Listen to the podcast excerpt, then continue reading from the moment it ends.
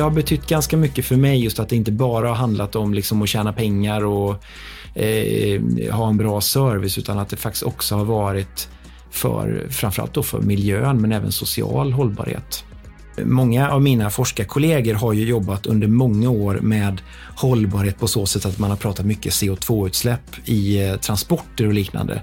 Men det jag har skojat med mina kollegor och sagt att jag har liksom aldrig riktigt gått igång på det. Så, så istället för mig har det blivit istället de här cirkulära flödena som jag har tyckt varit så himla roligt.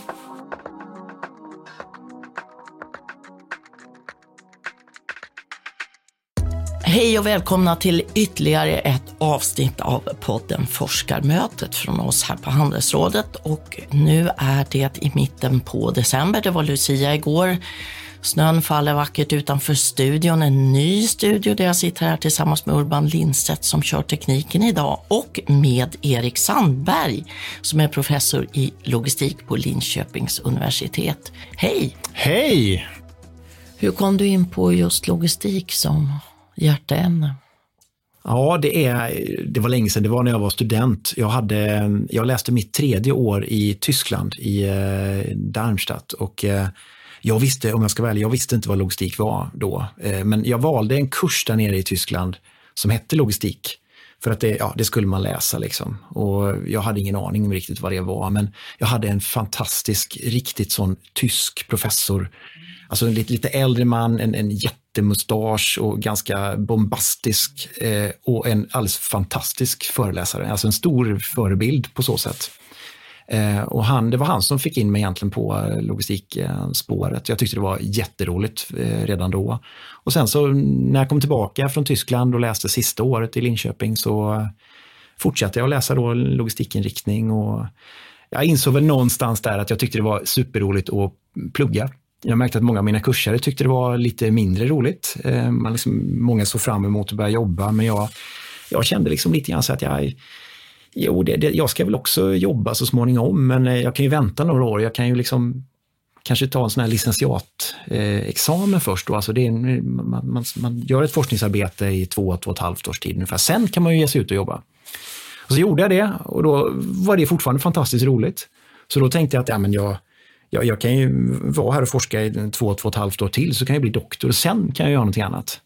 Och så gjorde jag det och sen så på den vägen är det. Du förstår resten. Det, jag, jag fortsatte sen. Det blev ju nya spännande projekt och jag har trivts jättebra faktiskt som, som forskare. Vi har kört ett eh, seminarium eh, i Stockholm här i våra lokaler med Handelsrådet och det har vi gjort eftersom du tillsammans med dina forskarkollegor ganska så nyss har presenterat ett helt nytt projekt och slutresultatet. Berätta.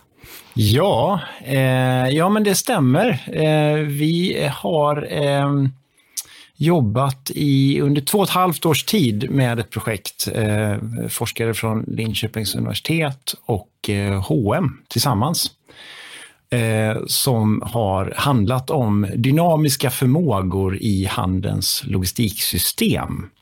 Och det eh, har då varit eh, finansierat av Handelsrådet eh, och eh, har eh, gått ut på att helt enkelt identifiera dynamiska förmågor eh, som finns i inom handeln. När du säger dynamik här, om jag ska försöka hitta en synonym nu så att man liksom snabbt förstår lite grann. Kan man säga flexibel? Ja, nej, nej. kanske inte. Nej. Vad är eh, nej, men man kan säga den här, en, en, liksom en viktig då, alltså ordet dynamiska förmågor kan man använda på ganska många olika sätt egentligen. Det är, det är, det är bara en, en, term som man kan använda lite hur som helst. Men faktum är att det är också en, en, en teoribas inom strategiteorin som heter The Dynamic Capabilities Theory. Och det är det då vi har använt i det här projektet. Och då finns det ju liksom jättemycket definitioner och eh, vad det här är för någonting. Och eh, kort kan man väl säga, då, om man ska liksom eh, dra det kort och koncist, så eh, bygger det här på att eh, om man vill skapa en eh, konkurrensfördel här och nu, så eh, behöver man ha en resursbas eh, här och nu som, som så att säga underbygger och hjälper till att skapa den här konkurrensfördelen. Men vi vet ju att eh, om Eh, eh, eftersom vi har eh, ändrade kundkrav och våra konkurrenter ändrar oss och vi har ny teknik och så, så behöver man ju också för att behålla den här konkurrenskraften så behöver man också hela tiden kunna förändra sin resursbas. Man behöver liksom kunna skruva lite på den här resursbasen hela tiden och det är det då man behöver dynamiska förmågor till. Så dynamiska förmågor är egentligen en uppsättning av någon form av förändringsförmågor skulle man kunna säga egentligen, kort och gott det föder ju en del följdfrågor och tänker konkurrensfördel, kan, kan ett bra logistiksystem vara en konkurrensfördel? Ja, det, är, det, det kan det absolut. det är eh, absolut så. Sen eh, säger inte jag, det brukar jag säga till eh, mina studenter med, att Eh, alla företag eh, kan eller ska inte konkurrera med hjälp av sin logistik. Det går alldeles utmärkt att skapa en konkurrensfördel på helt andra grunder. Man kanske har en superbra eh, forskning om någon ny produkt eller bra marknadsföring eller någon teknik eller någonting helt annat som man verkligen kan bygga en konkurrensfördel också på. Men logistiken kan helt klart vara grunden för en konkurrensfördel.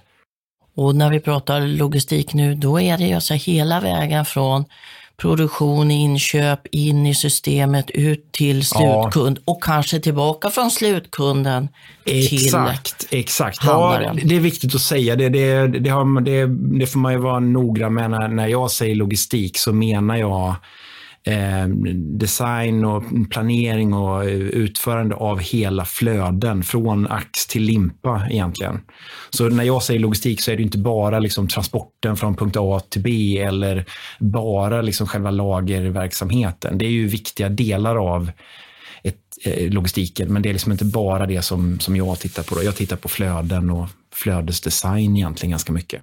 Nu hade ju du och dina forskar kollegor här förmånen att få jobba tätt, tätt ihop med H&M och vi kan ju komma tillbaka till det. Men då ser jag framför mig det här globala företaget och sen så tänker man hur ser det ut i logistikparker? Det är inga små investeringar och ändå så är strävan att vara förändringsbenägen. Hur går det här ihop?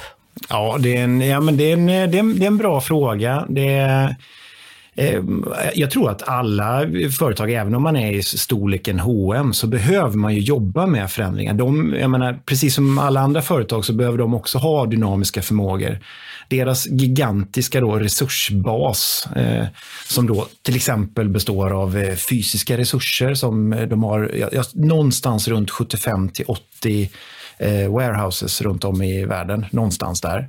Eh, men, men de har också, förutom de här fysiska resurserna, så har de ju mängder med alltså personal, kapital, de har olika avtal, samarbeten, de har leverantörer och produkter och allt det där är ju den här resursbasen som de då måste orkestrera och eh, förändra eh, från en dag till en annan. Annars så kommer de inte vara konkurrenskraftiga imorgon.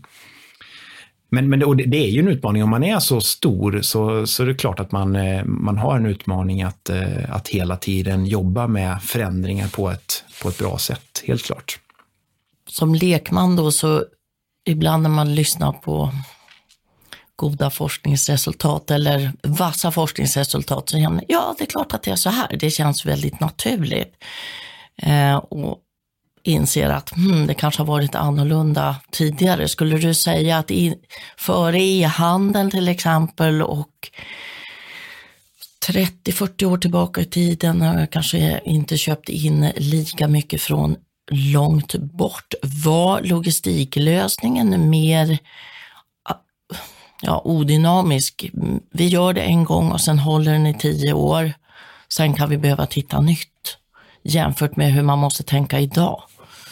Ja, ja jag tror alltid, alltså man har alltid behövt ha, alltså jobba med den här förändringsförmågan eller dynamiska förmågan. Man har hela tiden behövt uppdatera sig. Sen säger vi ofta att världen snurrar fortare nu och det är kund, förändrade kundkrav, det, går liksom allt snabbare och kortare produktlivscykler och, och liknande. Och H&M har ju helt klart mycket kortare produktlivscykler nu än vad man hade då för 10-20 eh, år sedan förstås. Så på så sätt så ställer det lite högre krav på logistiken. Men man har nog alltid behövt jobba med förändringar skulle jag säga. Men visst, eh, som vi hörde i morse på, på det här seminariet så H&M har ju en utmaning i att man har gått till exempel från att ha då butiksförsäljning bara till att idag jobba med eh, en omnikanal där man då har eh, e-handel som en viktig beståndsdel och sådär. Och det är klart att det, det ställer till det logistikmässigt. Det blir en, en extra dimension som man behöver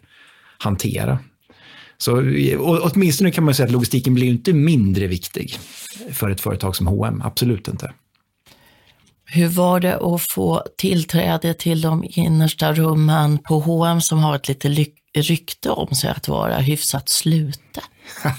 Fantastiskt roligt. Nej, men det, det, har det verkligen varit. Det här, eh, alltså, jag har haft ganska många forskningsprojekt genom åren och det här har ju på så sätt varit ett av de roligaste just för att eh, man har kommit så nära H&M. Normalt sett när man gör forskningsprojekt eller så som jag bedriver forskning normalt så handlar det om att man jobbar förstås tillsammans med ett antal företag. Man gör ofta intervjuer, man kanske har någon workshop en halvdag eh, och, och, och pratar med dem på det sättet. Men det är ju sällan man sitter med på det sättet som vi har gjort i, i detta projektet. Då. Och för det här projektet kan man säga då har eh, byggt på en eh, ansats om aktionsforskning eller följeforskning. Ibland pratar vi om interaktiv forskning.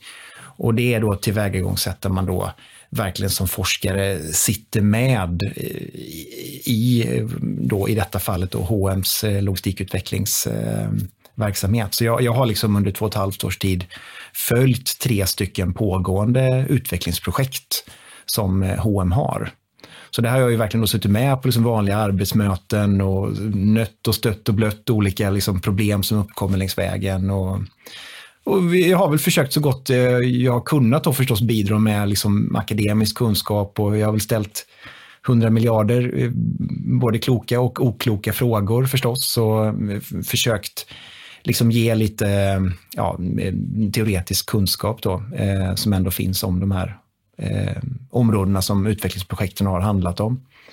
Du, du hade en bra sentens där om teori och praktik hand i hand. Det är en, en, en forskare som heter Kurt Levin som myntade det.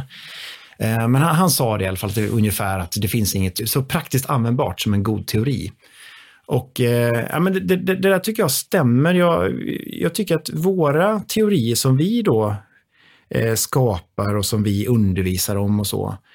Eh, när, när jag presenterar en sån teori för praktiker så är det ju någonting som inte får vara helt väsensskilt från vad praktikerna har för egna erfarenheter och kunskaper. Det är ju någonting som praktiker ska kunna sitta och lyssna och liksom nicka och, och hålla med om. Eh, för en teori i det här sammanhanget är ju ofta en form av samlad empiriska erfarenheter som har abstraherats upp och samlats till någon form av teori. Så det är klart att praktiker då som har jobbat kanske 10-20 år med det som teorin handlar om, de ska ju känna igen sig i ganska hög utsträckning. Men ofta är det så att de kanske inte har eh, explicit gjort eh, olika samband och hur det här liksom, eh, hur, hur teorin egentligen ser ut, utan det är snarare någonting som sitter i ryggmärgen. Eh, så, så på så sätt så skapar teorin ett, ett språk, ett, alltså det explicit gör, vilket gör att man då kan... Man får syn på saker. Ja, det här med att man har flera ord för snö, så ja, kan man se snön bättre. Ja, och, och, kollegor kan börja prata om var med varandra på ett annat sätt också. För så länge det bara sitter i ryggmärgen hos, hos folk så är det ju lätt att missförstå varandra. Eh, Just det, och, lärande på jobbet och lärande av varandra. Ja, mm. precis. Och, och framförallt då i, i, i ett utbildningssammanhang om man då ska utbilda studenter. Ja, då, är ju, då är ju teori ett sätt att eh, förmedla det då som sitter kanske ofta då i ryggmärgen hos, eh, hos de som har jobbat i 10-20 år kanske med någonting. Men jag menar, det, det, går inte att lära ut någonting som sitter i ryggmärgen. Det måste först explicit göras i form av en teori och sen så, så kan vi berätta det för studenterna. Och sen så får jag bara säga att det, är, det här med en, en, en teori, det, det, kan ju också vara så ibland eh, att man om jag berättar om en teori som till exempel har, eh, vad vet jag, fyra drivkrafter för eh, ökad cirkularitet kanske, eller något sånt där. Så kan det ju vara ibland att praktiker känner igen sig och säger att ja, men de tre första grejerna där, det är ju saker som, som stämmer, det, det har jag också tänkt på. Men Erik, den där fjärde saken du sa, det har vi faktiskt inte tänkt på i vårt företag.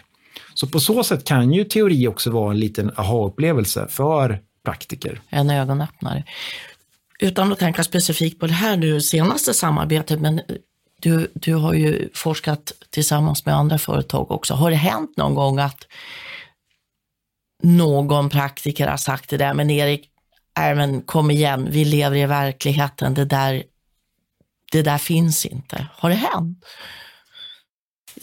Ja, det, det är ju, ibland så är det ju, eller framförallt så är ju teori och, och är ju lite grann, det målar ju upp en form av idealbild lite grann. Eh, jag menar, om man tar begreppet supply chain management till exempel, som handlar egentligen om att man bör samarbeta i en försörjningskedja för att på något sätt uppnå en bättre total effektivitet och, och tillfredsställa någon form av slutkund så, så är ju det ganska, jag menar, det, det är liksom en, en, idealbild, det är inte så lätt i verkligheten. Och vi, har liksom, vi trummar ju in detta till våra studenter, att de ska tänka supply chain management. Men det är klart att när man kommer ut i verkligheten så finns det ju en rad olika hinder för det där. Ja, den där förbaskade verkligheten med ja, alla sina krokben. Precis. Alltså. precis.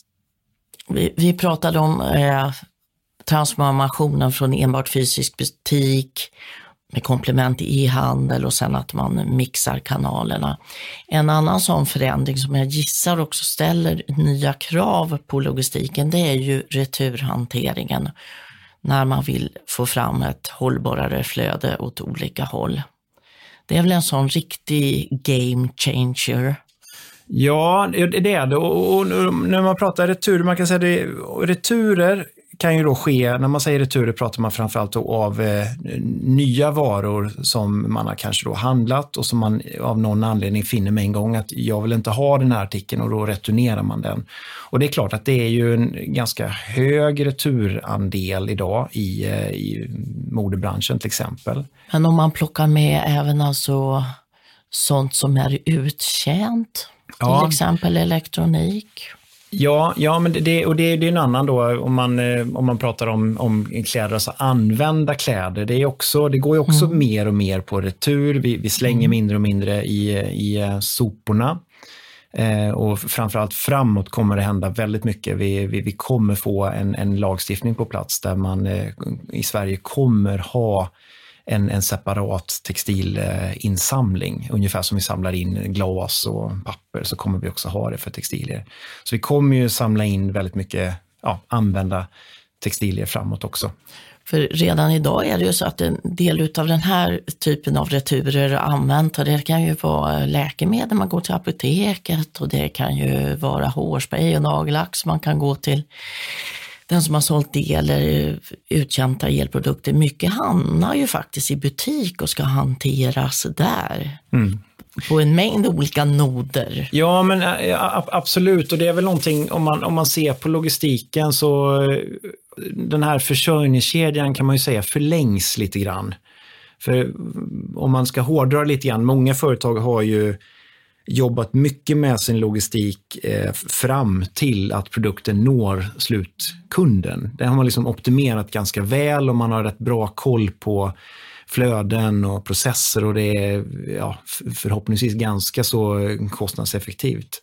Men vad som händer därefter sen när man pratar om då returhantering av både nya produkter men även då äldre uttjänta produkter så är det kanske inte riktigt, det har inte fått riktigt så mycket attention än så länge. Eh, det håller på att ändras, men då, de flödena som vi då brukar prata om, cirkulära flödena, de blir mer och mer viktiga ur logistiksynpunkt. För ju högre volymer vi har i de flödena, desto viktigare blir det också att managera dem på ett mm. kostnadseffektivt sätt. Och med nya sätt. lagkrav också. Så. Ja, precis. Jag, jag, jag tänker just i en, in, in bransch då som eh, textilbranschen och modebranschen.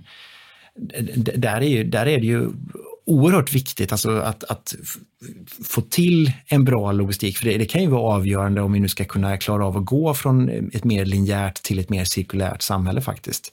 Vi har inom textilbranschen har vi vi har väldigt mycket kunskap om exempelvis cirkulära affärsmodeller. Vi vet jättemycket om eh, second hand-försäljning och uthyrning av kläder och allting annat. Det är långt ifrån lönsamt alla gånger, men vi vet ganska mycket om det. Eh, och vi vet också ganska mycket om ny teknik. Vi, eh, I morse eh, på det här seminariet pratade vi lite grann om kemisk textilåtervinning av, av, av textilier. Det vet vi också väldigt mycket om idag. Men en annan då viktig pusselbit som måste komma på plats, det är en effektiv logistik som kan sköta de här flödena. För om vi liksom inte, om vi inte får till det, då, då kommer det bli problem att bli mer cirkulära för väldigt många företag.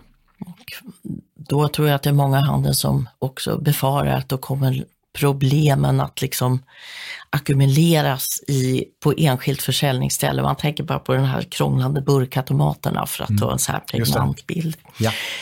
Nu är det här projektet eh, avrapporterat och avklarat, men det har ju blivit ringar på vattnet från detta till ett annat projekt som då är finansierat inte utav Handelsrådet utan av Formas. Ja, det stämmer det. Och det är just faktiskt om logistikens roll i det textila cirkulära ekosystemet. Och där, där det är ett liknande upplägg i det projektet egentligen. Så det är eh, forskare från eh, Linköpings universitet och en forskarkollega från eh, Textilhögskolan i Borås och H&M då som, eh, som tillsammans då försöker bättre förstå logistikens roll och betydelse just i de här cirkulära eh, flödena. Så både man pratar om eh, återanvändningsflöden, alltså reuse-flöden, alltså second hand-försäljning och liknande. Men även då eh, återvinningsflödena och hur, hur det egentligen ska manageras. Eh, för som sagt, volymerna växer och det blir mer och mer viktigt att ha kostnadskontroll på eh, de här flödena. När ska ni vara klara? Ja, det är i eh, våren 2025 är tanken att vi ska vara klara. Och här är ju det, det som är spännande får jag säga då, för det, det är som sagt det är ju ett nära samarbete med H&M igen då. H&M har ju det som är roligt med dem, tycker jag, det är att de, H&M har storleken och musklerna att verkligen göra någonting eh, i sina cirkulära eh, flöden. De har liksom kraften. De skulle kunna, om de vill, kan de göra stora investeringar, till exempel i, vad vet jag, i sorteringsanläggningar, i, i mm, lagring. De, eh, de, de, kan jobba med eh, återvinning och liknande. Och det, det, är inte alla företag som faktiskt kan det, men, men H&M har verkligen storleken att göra det. Sen är det frågan, hur ska de göra det? Och det är det vi i det här projektet ser fram emot att få följa då på nära håll under ett antal år. Så det är, det är ett superspännande fortsättningsprojekt verkligen. Innan vi kan läsa eh, resultaten från det så får man ju då gå in på Handelsrådets hemsida och läsa eh, på den här eh, allra senaste som kom och ligger ute där. Tänker lite på forskarrollen, du undervisar, eller hur? Ja. Tycker du det är kul? Ja, det är jätteroligt, är det, verkligen. Det är ju en ynnest att faktiskt få undervisa, tycker jag. Jag tycker det är jätteroligt, verkligen. Hur många så här liknande projekt som de vi har pratat om kan du bolla samtidigt? Ja, det är lite olika. Just nu är, det, eh, är jag involverad i två projekt till och nu efter årsskiftet kommer det bli ytterligare ett projekt faktiskt. Men då ska vi ha, ja, jo, så det är fyra projekt kommer det bli under nästa år då. Det är lite, lite mycket kanske, men tre av dem handlar faktiskt om, eh, om eh, alltså i, i textil eh, och modebranschen. Och det handlar ändå om, om liksom på no, olika infallsvinklar på cirkulära flöden. Så att det, det är lite lättare att, att hålla det i huvudet då. Sen det fjärde projektet är helt nytt. Det, det handlar om någonting helt annat. Det handlar om eh, beredskapshänsyn i våra eh, svenska logistiksystem. Då. Så det, det är en, en, helt annan historia kan man säga. Just det, för resiliens, det, det kommer ni ju in på i morse ja. också. Men ska du säga någonting om det? Ja, hur, hur mycket kris ska man vara beredd på? Man kan inte alltså, ladda upp för att stå emot vad som helst, det blir för dyrt. Ja, nej men ja, ja, resiliens då, det, är, det handlar ju om att eh, hantera olika sorters eh, då, supply chain disruptions. Som man pratar om. Ja, olika störningar. Det mm. kan vara ett krig, det kan vara en pandemi, det kan också vara en hamnstrejk eller något annat. Mm. Och eh, På något sätt behöver man ju ha någon form av eh, beredskap för att sådana här disruptions kan hända. Eh, och det innebär för ett logistiksystem att man behöver tänka till. Man behöver ju ha en sorts flexibilitet i sitt eh, agerande. Och man behöver också ha, eh, man behöver vara resilient på så sätt att man behöver kunna gå och anpassa sig från ett läge till ett annat. Så resiliens är, är egentligen inte bara att man liksom gå tillbaka till samma läge efter krisen eller eh, pandemin eller vad det kan tänkas vara, utan resiliens handlar egentligen om en förmåga att anpassa sig till eh, ett, ett, ett nytt utgångsläge kanske, efter den här eh, krisen eller vad det nu har varit. Då. Och det är klart att våra, i våra försörjningskedjor så, så måste vi ta höjd för det här för att det händer mycket saker. Eh, och ett sätt som man har pratat mycket om det är att man kanske inte ska ha de här långa globala försörjningskedjorna. Man kanske borde ta hem en del produktion för att ha närmare eh, ja, eh, där man har sina försäljningsmarknader till exempel. Att det blir lite lättare att managera.